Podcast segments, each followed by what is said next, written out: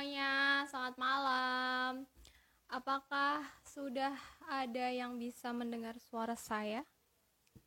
Semoga bisa dengar ya. Oke, hai teman- teman-teman semuanya, selamat datang di episode atau nggak bukan episode sih ya. Ini adalah live pertama Celoteh Yori yang kita kasih judul aja sebenarnya judul judul asik-asikan aja sih obrolan Senin Kamis. Karena uh, rencananya aku setiap Senin dan Kamis akan membahas tentang beberapa topik yaitu tentang uh, toxic relationship dan uh, ranjang pasutri aduh ini nervous banget sih. Baru pertama kali nge sendirian. Oke selamat datang teman-teman semuanya. Salam kenal semuanya. Aku Yori. Yang kali ini aku akan membahas tentang toxic relationship yaitu siapa sih yang sebenarnya toxic. Nah berhubung pembahasan toxic relationship itu udah banyak banget ya. Mungkin teman-teman di luar sana juga udah sering banget kali ya ngedenger soal pembahasan toxic relationship kayak gitu. Tapi aku di sini sebenarnya lebih akan membahas hal yang terkait uh, kedua belah pihak. Jadi nggak cuma satu pihak aja, karena kebanyakan uh, orang itu kan berpikirnya bahwa hanya satu pihak aja nih yang toksik.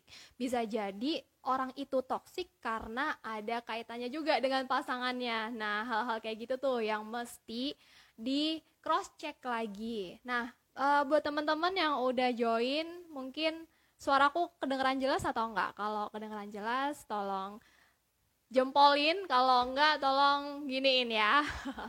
Oke nanti uh, ini sesinya singkat aja sih. Paling 45 menit ya nggak sampai 60 menit. Karena ini pembahasannya aku nggak pengen terlalu panjang banget agar nggak terlalu bosan aja gitu yang dengerin. Atau yang nonton ya karena ini akan masuk ke podcast aku juga. So, uh, langsung aja ke pembahasan. Sebenarnya itu uh, toxic atau enggak itu tuh dilihat dari mana sih kalau dalam set, dalam suatu hubungan kayak gitu. Nah, toxic relationship itu tuh tandanya gampang. Nggak selalu ada kekerasan ya, tapi cirinya adalah ketika kedua belah pihak atau salah satu pihak itu nggak bahagia dalam ngejalaninnya. Nah, Hal ini bisa berbagai macam faktor ya, bisa jadi karena relasinya itu sendiri yang dijalanin atau memang orangnya yang punya masa lalu atau problem secara personal yang e, membawa problem itu ke arah hubungannya. Sehingga akhirnya orang yang awalnya expect wah ini akan bahagia nih ngejalannya. Ternyata karena ada gembolan persoalan masa lalu atau hal-hal yang mungkin sedang dialami jadinya bikin orang lain juga nggak bahagia. Nah di situ jadi uh, mudahnya gitu. Nah ada juga uh, toxic relationship itu ada orang seseorang yang memaksa orang lain untuk mengikuti cara mainnya atau memaksa pasangan.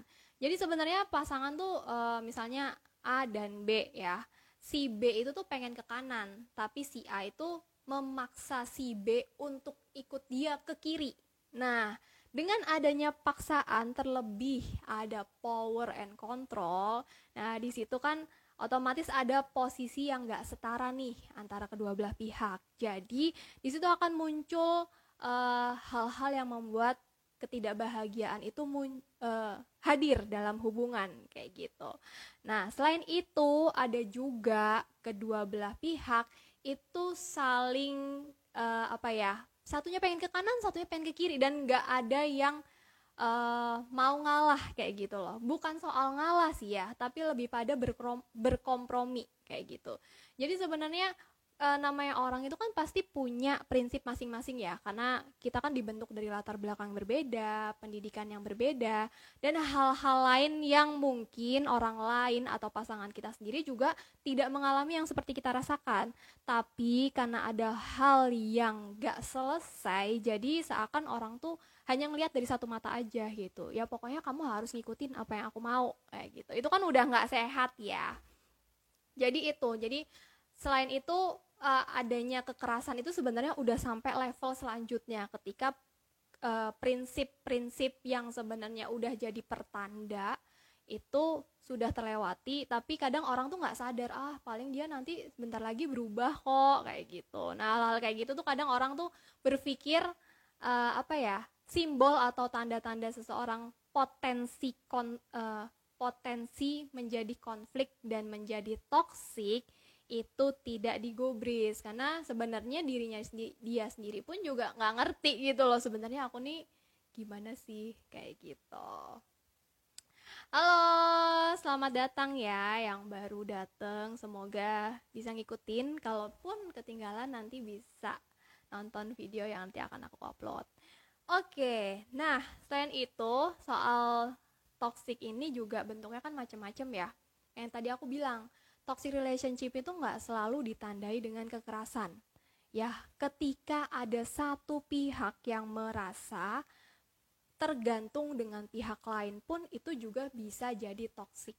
Ya, mungkin teman-teman bingung kok bisa bukannya saling ketergantungan itu bagus ya Eits, tunggu dulu. Nggak semua hal yang saling ketergantungan itu bagus. Misalnya uh, ada orang yang di awal itu ngerasa dia independen banget. Wah, aku kayaknya segala sesuatu tuh bisa aku lakukan sendiri. Nah, tiba-tiba nih dapet nih pasangan yang uh, apa ya? Dia itu segala sesuatunya tuh harus dibantu, terus juga nggak bisa apa-apa sendiri. Nah, ini kan akan jadi potensi konflik kayak gitu loh. Sedangkan um, dia yang minta bantuan terus dan apa-apa segala segala sesuatu tuh harus disupport secara sepenuh hati, sepenuh tenaga. Kalau nggak disupport itu jadinya apa ya dianggapnya nggak sayang, nggak perhatian. Nah itu bisa jadi mereka mengalami kondisi kondependen atau ketergantungan. Nah banyak banget eh, hal-hal uh, kayak gini. Biasanya nih uh, aku nggak menggeneralisir ya. Biasanya cewek-cewek yang uh, apa-apa tuh minta bantuan dan sebagainya itu dianggap sweet sama cowoknya. Padahal itu bisa jadi potensi kondependen. Padahal kan namanya segala sesuatu udah dewasa kan, udah ibaratnya namanya juga relasi uh, romantis itu kan kita anggap aja memang dijalankan udah orang dewasa gitu, bukan anak SMP lagi atau anak SD lagi. Nah, jadi ketika dia udah dewasa tapi segala sesuatu harus diturutin, harus apa ya, diiyain, harus ngikutin dia keinginan dia. Nah hal-hal kayak gitu tuh udah jadi pertanda sebenarnya. Tapi karena mungkin lagi cinta cintanya lagi sayang sayangnya nah hal-hal kayak gitu tuh jadi nggak dianggap pusing kayak gitu loh. Ya bukan dianggap pusing sih ya tapi nggak terlalu dipikirin banget kayak gitu. Padahal itu adalah salah satu potensi Nah, setelah itu ketika ada seseorang yang udah codependent nih misalnya dan dia ngerasa cuman dia yang bisa ngelindungin atau memberikan perhatian sepenuh hati kayak gitu. Itu akan jadinya uh, orang itu jadi terkekang kan pasangannya. Nah, hal-hal kayak gitu. Nah, bisa jadi salah satu di antara kalian nggak sadar kalau sebenarnya oh ya, papa aku tuh minta bantuan pasangan, jangan-jangan aku sendiri yang toksik nih kayak gitu. Nah itu adalah salah satu hal yang kadang kita nggak sadar karena kita sendiri juga apa ya masih pusing gitu loh sama diri kita sendiri. Karena apa yang kita pikirkan apa yang kita inginkan pun juga masih blur gitu. Kita nggak ngerti ini tujuan hidup kita nih ke mana sih? Oh ya udah ketemu orang yang cocok orang yang bisa diajak curhat enak terus bisa diajak jalan enak ya udah deh kita pacaran aja kayak gitu. Padahal kan ketika uh, teman-teman ingin membangun relasi yang dewasa itu kan gak segampang itu gitu loh uh, ibaratnya. Karena relasi uh, percintaan atau relasi romantis itu tuh nggak sega nggak semuanya tuh bahagia gitu. Kita tetap perlu menghadapi adanya konflik karena konflik itu bisa jadi hal yang justru mendewasakan kita Nah, begitu tuh salah satunya ya. Aku tadi udah ngebahas soal codependent. Nah, kebalik lagi, kenapa sih orang bisa nggak sadar kalau dirinya tuh lagi toksik kayak gitu.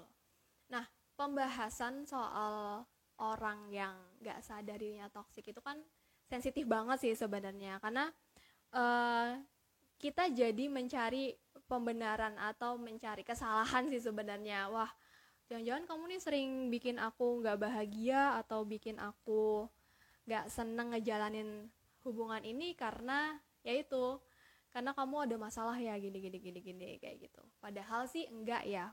Uh, orang tuh kadang sebenarnya dia sudah ngerasa kalau dirinya dia tuh sedang tidak baik-baik saja tapi dia memaksakan untuk terlihat baik di depan pasangannya. Karena apa setiap orang itu memang tidak akan pernah bisa selesai akan persoalannya. Tapi hal yang kadang menyakitkan adalah untuk bisa menerima realita yang ada. Nah orang kan paling mudah itu kan denial. Enggak kok aku nggak kayak gitu gitu loh. Itu mas mereka kayak gitu loh. Padahal kita bahkan aku sekalipun juga pernah punya luka pernah punya problem-problem yang mungkin seakan tuh rumit banget gitu loh untuk diselesaikan tapi itu juga sebenarnya tanda kalau kita tuh manusia kayak gitu. Manusia bertumbuh itu karena pasti akan ada tantangannya setiap step kehidupan. Nah inilah yang kadang orang-orang yang sering kali denial atau sering menyalahkan atau displacement pada sesuatu atau pada seseorang karena dia sendiri tuh nggak menerima dirinya apa adanya. Nah menerima diri apa adanya tuh ibaratnya nggak cuman soal fisik ya tapi soal masa lalu terus juga soal hal-hal yang menyakitkan di apa ya di masa lalunya dia seperti kekerasan yang pernah dialami di keluarga, dipuli di pertemanan, kayak gitu. Nah, kadang kan luka-luka batin kayak gitu tuh ketika kita dewasa itu secara nggak langsung tuh muncul dalam bentuk yang berbeda dulu misalnya nih ada yang uh, ngalamin bullying kan di SD atau di sekolah bullying bahkan sampai bertahun-tahun. Nah itu kan kita tuh kayak gitu tuh menyimpan energi sebenarnya. Rasa sakit kita tuh menyimpan energi. Tapi ada orang-orang yang akhirnya mengeluarkan energi itu menjadi energi yang positif atau justru yang sebaliknya. Yang sebaliknya itu kayak misalnya yang negatif adalah ya suatu saat aku juga akan melakukan itu gitu loh. Secara nggak sadar ya. Karena apa? Balik lagi kita tuh masih ada hal yang ya karena kita nggak nggak bisa terima kondisi kayak gitu. Kadang kan ketika kita ngalamin hal-hal yang nggak kita inginkan kan kita selalu bertanya emang salah aku apa sih? kayak gitu. Emang aku kurang apa sih buat mereka? kayak gitu. Tapi karena kita kan nggak pernah tahu ya apa yang akan terjadi sama hidup kita. Jadi kita sering bertanya tapi lupa mencari jalan. Ya mencari jalan untuk kita bisa keluar dari uh, rerimbunan hutan yang kadang membuat kita tersesat kayak gitu. Nah itu yang akhirnya orang tuh nggak sadar kalau dirinya dia tuh toksik nah oleh karena itu bisa jadi mungkin teman-teman di luar sana yang menyadari ada orang lain atau teman atau bahkan uh, pasangan sendiri atau bahkan diri teman-teman sendiri yang menyadari oh ya kayaknya aku tuh sama ini pernah melakukan hal-hal sama pasangan yang berpotensi konflik itu perlu disadarin kayak gitu karena hal yang pertama untuk merubah diri jadi lebih baik adalah dengan sadar atau menyadari kondisi kita tuh seperti apa sih nah kadang kan kita kan uh, terburu-buru untuk bisa ngerubah orang lain. Nah, ini juga nih menarik. Ada seorang uh, jadi aku cerita ya. Jadi ada orang yang memang berusaha bertahan di situasi toxic relationship karena dia punya keinginan untuk merubah orang lain jadi lebih baik. Nah, hal-hal kayak gini nih, aduh ini nih sebenarnya bagian dari jebakan itu sendiri ya. Karena ada ego yang ikut serta atau ada ego yang ikut ambil peranan terkait hal itu karena balik lagi kita nggak bisa ngerubah kondisi orang lain ngerubah orang terdekat kita sekalipun karena itu semua tanggung jawab mereka gitu loh. Kita semua tuh punya tanggung jawab personal masing-masing. Kalau orang lain itu masih belum mau untuk berubah ya mau kita maksa gimana pun ya mereka tidak akan tidak akan mau berubah kayak gitu loh. Jadi uh, bagi teman-teman yang mungkin masih bertahan dalam kondisi toxic relationship kalian mungkin awalnya nggak nggak jadi toxic partner karena partner kalian yang toxic. Tapi lama-lama kalian juga jadi ikutan toxic loh. Karena balik lagi itu tuh energi tuh apa ya tertransfer bagaimanapun gitu loh. Ketika kita punya ambisi atau keinginan yang sebenarnya udah gak realistis tapi tetap dipaksain itu kan akhirnya kayak menyakiti diri sendiri gitu loh. Nah hal-hal kayak gitu yang kadang yaitu karena atas dasar ya cuma aku aja yang bisa bikin dia jadi lebih baik. Nah terus apalagi tuh alasan-alasannya? Ya kalau nggak aku siapa lagi? Terus juga kalau ada peran serta dari keluarga besar tuh yang udah eo iya sampai ibunya bapaknya kakeknya neneknya udah kayak nitipin dia ke kamu gitu loh. Ya aku udah kadung janji udah terlalu terlanjur janji sama keluarganya untuk jagain dia kayak gitu. Wait sebentar deh. Dia masih kecil apa udah dewasa? Kayak gitu. Jangan-jangan kamu berkorban untuk dia hanya karena rasa kalau dirimu berharga karena itu. Baik lagi kita nggak bisa ya kayak gitu. Karena ya sebenarnya uh, ada sih orang yang menjalani kehidupan kayak gitu. Tapi balik lagi itu kan akan berimpact pada kesehatan mentalnya apalagi bagi relasi yang udah menikah dan punya anak. Nah bahaya banget. Banyak uh, pernikahan-pernikahan yang toxic atau toxic marriage itu dia bertahan hanya karena anak. Tapi impactnya juga akan ke anak. Loh gimana coba? Ya dong ketika seseorang bertahan hanya demi anak sedangkan dianya sendiri aja nggak bahagia kayak gitu loh. Ya otomatis anak pun juga akan menyerap energi ketiga ketidakbahagiaan salah satu orang tuanya. Nah hal-hal kayak gitu tuh yang kadang orang tuh jadi salah berpikir gitu. Ya balik lagi kita juga nggak pengen ya namanya pernikahan ketika ada masalah ketika ada sesuatu hal yang rumit langsung berpikiran berpisah. Ya nggak bisa gitu gitu loh. Tapi kan balik lagi ini keinginan dua belah pihak itu masih saling sevisi misi atau enggak kayak gitu. Karena kan kadang kan hanya salah satu pihak aja yang ingin bertahan tapi yang lain tuh udah kayak ya udahlah terserah kamu aja lah kayak gitu. Terserah lo aja deh mau gimana kayak gitu. Aduh itu tuh yang akhirnya kadang kebanyakan kondisi-kondisi kayak gini nih kondisi perempuan sih yang akhirnya paling berat. Karena e, gimana pun anak itu kan kelekatannya lebih pada perempuan. Tapi nggak semua sih sebenarnya. Tapi mostly yang case-case yang aku tanganin adalah yaitu perempuan yang akhirnya ngerasa susah untuk ngambil keputusan. Karena nggak cuman anak aja ya mungkin yang dia pikirin. Tapi keberlangsungan kehidupan mereka ke depan gimana? Kalau misalnya akhirnya jelek-jeleknya tuh harus berpisah sama pasangan. Tapi balik lagi hidup ini kan pilihan ya. Kita nggak bisa memaksakan diri bertahan di sesuatu yang kita sendiri juga nggak bisa kontrol itu gitu loh.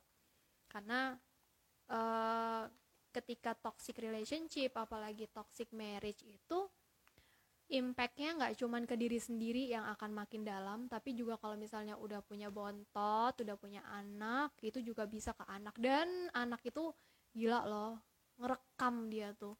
Walaupun anak tuh nggak ngerespon walaupun anak dengar kalian atau uh, orang tuanya bertengkar dan dia lagi mainan anak tuh akan tetap ngedenger kayak gitu. Nah hal-hal kayak gitu tuh yang akhirnya membuat kita harus berpikir lagi dan mengevaluasi lagi sebenarnya kita nih yang toksik atau enggak sih? Atau memang kita lagi ada di kondisi yang toksik Nah, kemudian sebelum uh, pertanyaan ya, aku akan nyelesain dulu pembahasan aku kali ini. Nah, terus gimana nih kalau misalnya udah saling menyadari, oh iya, aku kayaknya ada toksiknya deh. Kayaknya pasanganku pun juga menyadari ada toksiknya ke dalam hubungan. Nah, hal yang pertama dan yang paling harus dilakukan di awal adalah relationship check up. Ya, jadi check up itu nggak melulu kesehatan fisik ya, tapi kesehatan relationship pun juga harus dilakukan.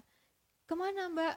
Ke dokter mana? Ke spesialis mana? Nggak usah. Hal yang pertama cukup kalian berdua aja kayak gitu. Cukup berdua untuk saling, untuk mau saling uh, berbicara dari hati ke hati. Karena banyak banget ya pasangan di luar sana yang baru ngomong serius ketika ada masalah wow jebret itu namanya. Karena apa? Ini akan bahaya banget. Jadi ketika ada hal yang sebenarnya udah potensi nih harus dibahas. Tapi karena aduh nanti kalau aku pengen ngajak ngobrol nanti dikiranya ini dikiranya itu. Jadi udah kadang udah berasumsi masing-masing kayak gitu loh. Ini kan bahaya kayak gitu.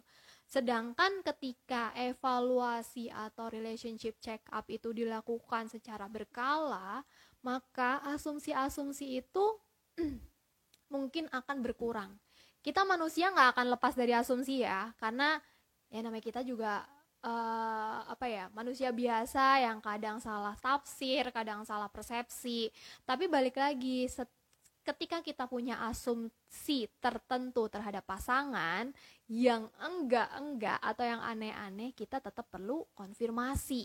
Ya, penting banget konfirmasi karena banyak banget orang di luar sana atau pasangan di luar sana itu udah langsung ngambil kesimpulan.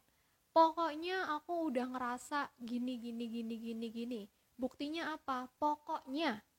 Ya apa pokoknya? Pokoknya tuh feeling aku udah kuat banget kamu tuh ngelakuin gini gini gini gini. Kalau kayak gitu siapa yang salah akhirnya? Ya sebenarnya ya bukan siapa yang salah sih, tapi akhirnya itu yang jadi pencetus itu sendiri gitu loh.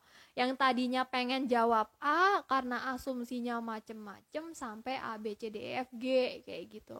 Nah, hal-hal kayak gitu yang perlu di apa ya disadari bahwa bi bicara atau ngobrol atau diskusi itu adalah sesuatu yang wajar gitu loh di, dibuat wajar kayak gitu loh karena sebenarnya itu adalah hal untuk memfilter asumsi-asumsi jelek kita terhadap pasangan. Karena asumsi jelek itu kan kadang kita nggak pernah tahu ya munculnya gimana ya. Tiba-tiba aja. Misalnya eh, pasangan kok sering main HP mulu ya kalau kita kalau lagi jalan sama kita kayak gitu. Kok tiba-tiba kok ngomongnya ketus ya? Terus apalagi tuh? Kok tiba-tiba pakai parfum biasanya nggak pernah pakai parfum kayak gitu. Nah hal-hal kayak gitu kan kita langsung ambil sebentar sebentar ada apa ya?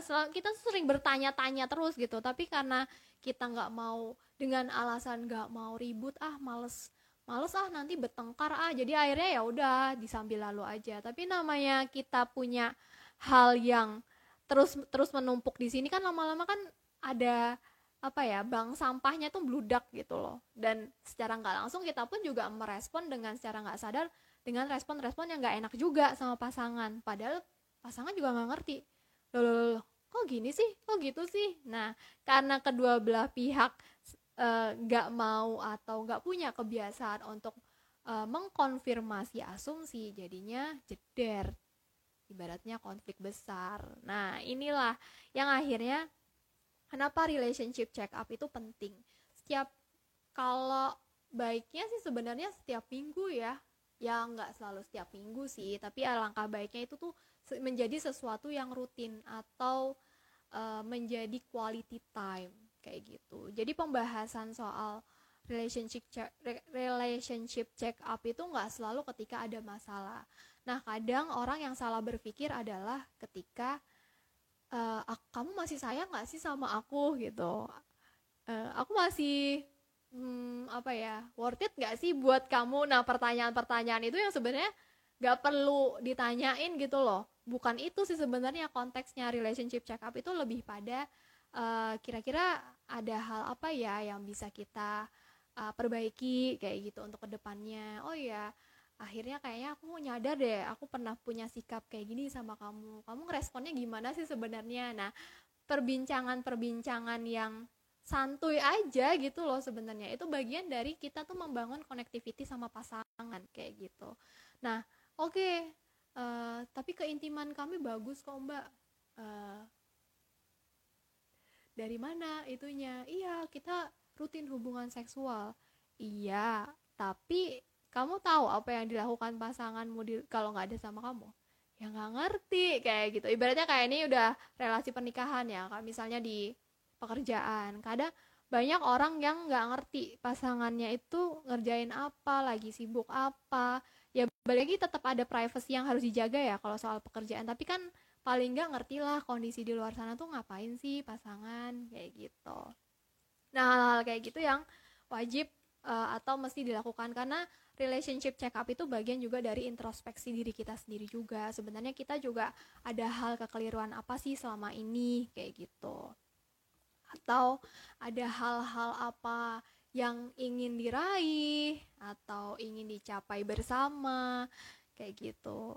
Akhirnya ketika pola uh, evaluasi bersama ini berjalan dengan baik, maka akan tercipta visi misi yang sama antara pasangan. Nah, kalau ditanya siapa sih yang toksik? Nah, kalau udah sering melakukan evaluasi bersama atau relationship check up, check up, maka ya akhirnya nggak ada kayak gitu karena saling menumbuhkan satu sama lain kayak gitu loh.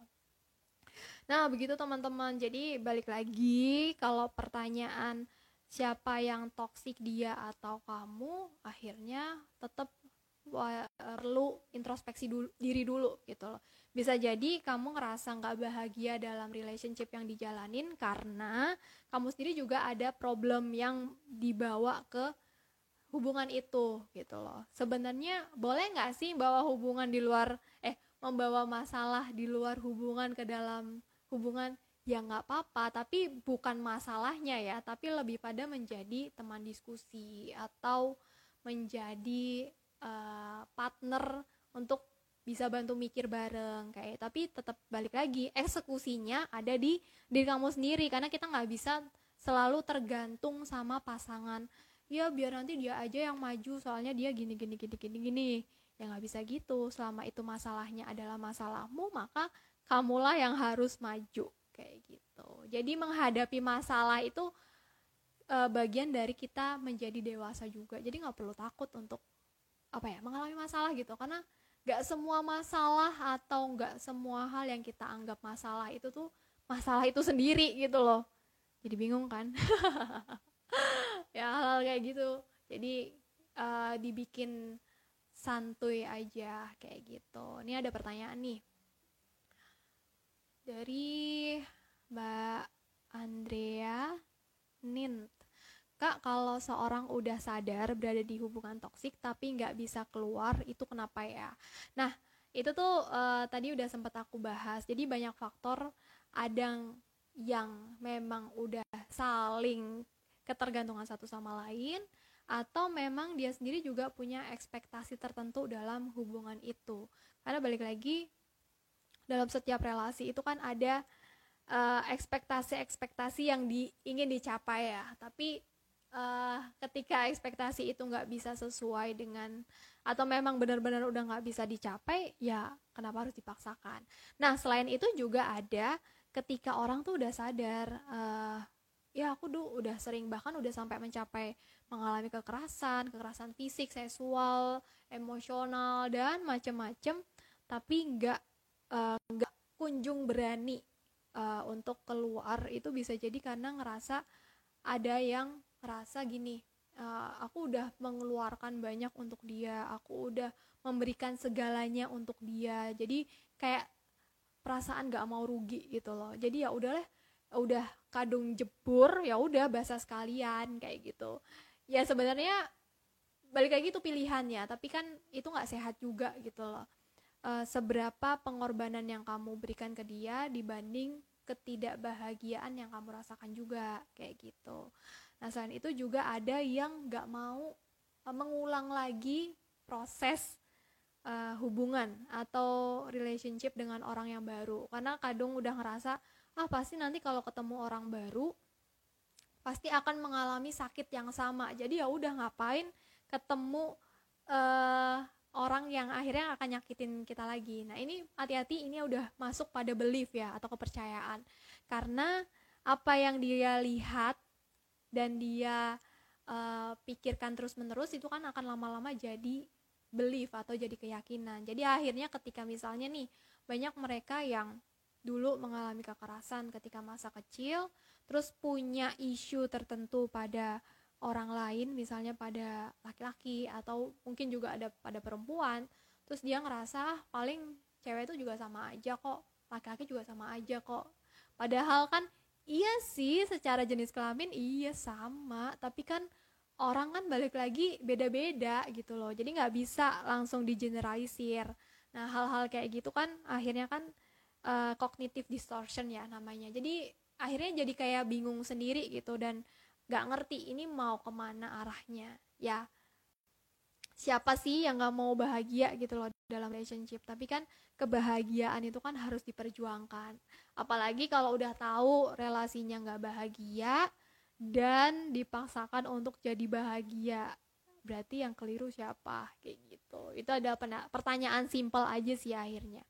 Tapi kalau begitu kita sebagai orang lain atau sebagai teman atau sebagai sahabat keluarga kita balik lagi kita tidak bisa apa ya e, memaksakan betul apakah dia harus keluar atau enggak kita hanya bisa memberikan repetisi atau pemahaman terus-menerus bahwa apa yang dia alami itu sudah masuk dalam toxic relationship. Tapi balik lagi keputusan dia untuk pergi atau tidak itu adalah tanggung jawabnya dia. Nah, ini memang uh, apa ya?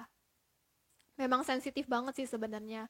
Ya ibaratnya ya udah tahu uh, orang yang deket banget atau sahabat kita atau keluarga kita punya pasangan yang uh, sering mukul atau sering emosional banting-banting barang sebagai kalau lagi marah. Tapi baik lagi yang menjalani kan mereka kayak gitu. Kita nggak bisa intervensi 100% nah jadi kita tetap perlu melatih uh, mereka untuk mengambil tanggung jawab penuh atas hidup gitu loh.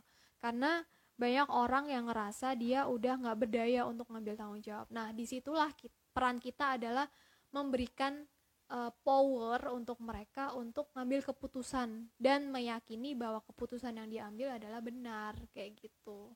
Karena toxic relationship itu ketika misalnya dalam hubungan pacaran sering mengalami toxic relationship kemudian beberapa kali dan terus menerus mengalami hal yang sama nanti akan mengulang juga polanya dalam rumah tangga kayak gitu nanti kadang orang bilang kenapa ya nasibku kok kayak gini terus kayak gitu Nah, ini yang sering banget nih yang ditanyain ke aku, kenapa biasanya nih masalahnya bukan toksik sih. Ya, sebenarnya relasi toksik juga.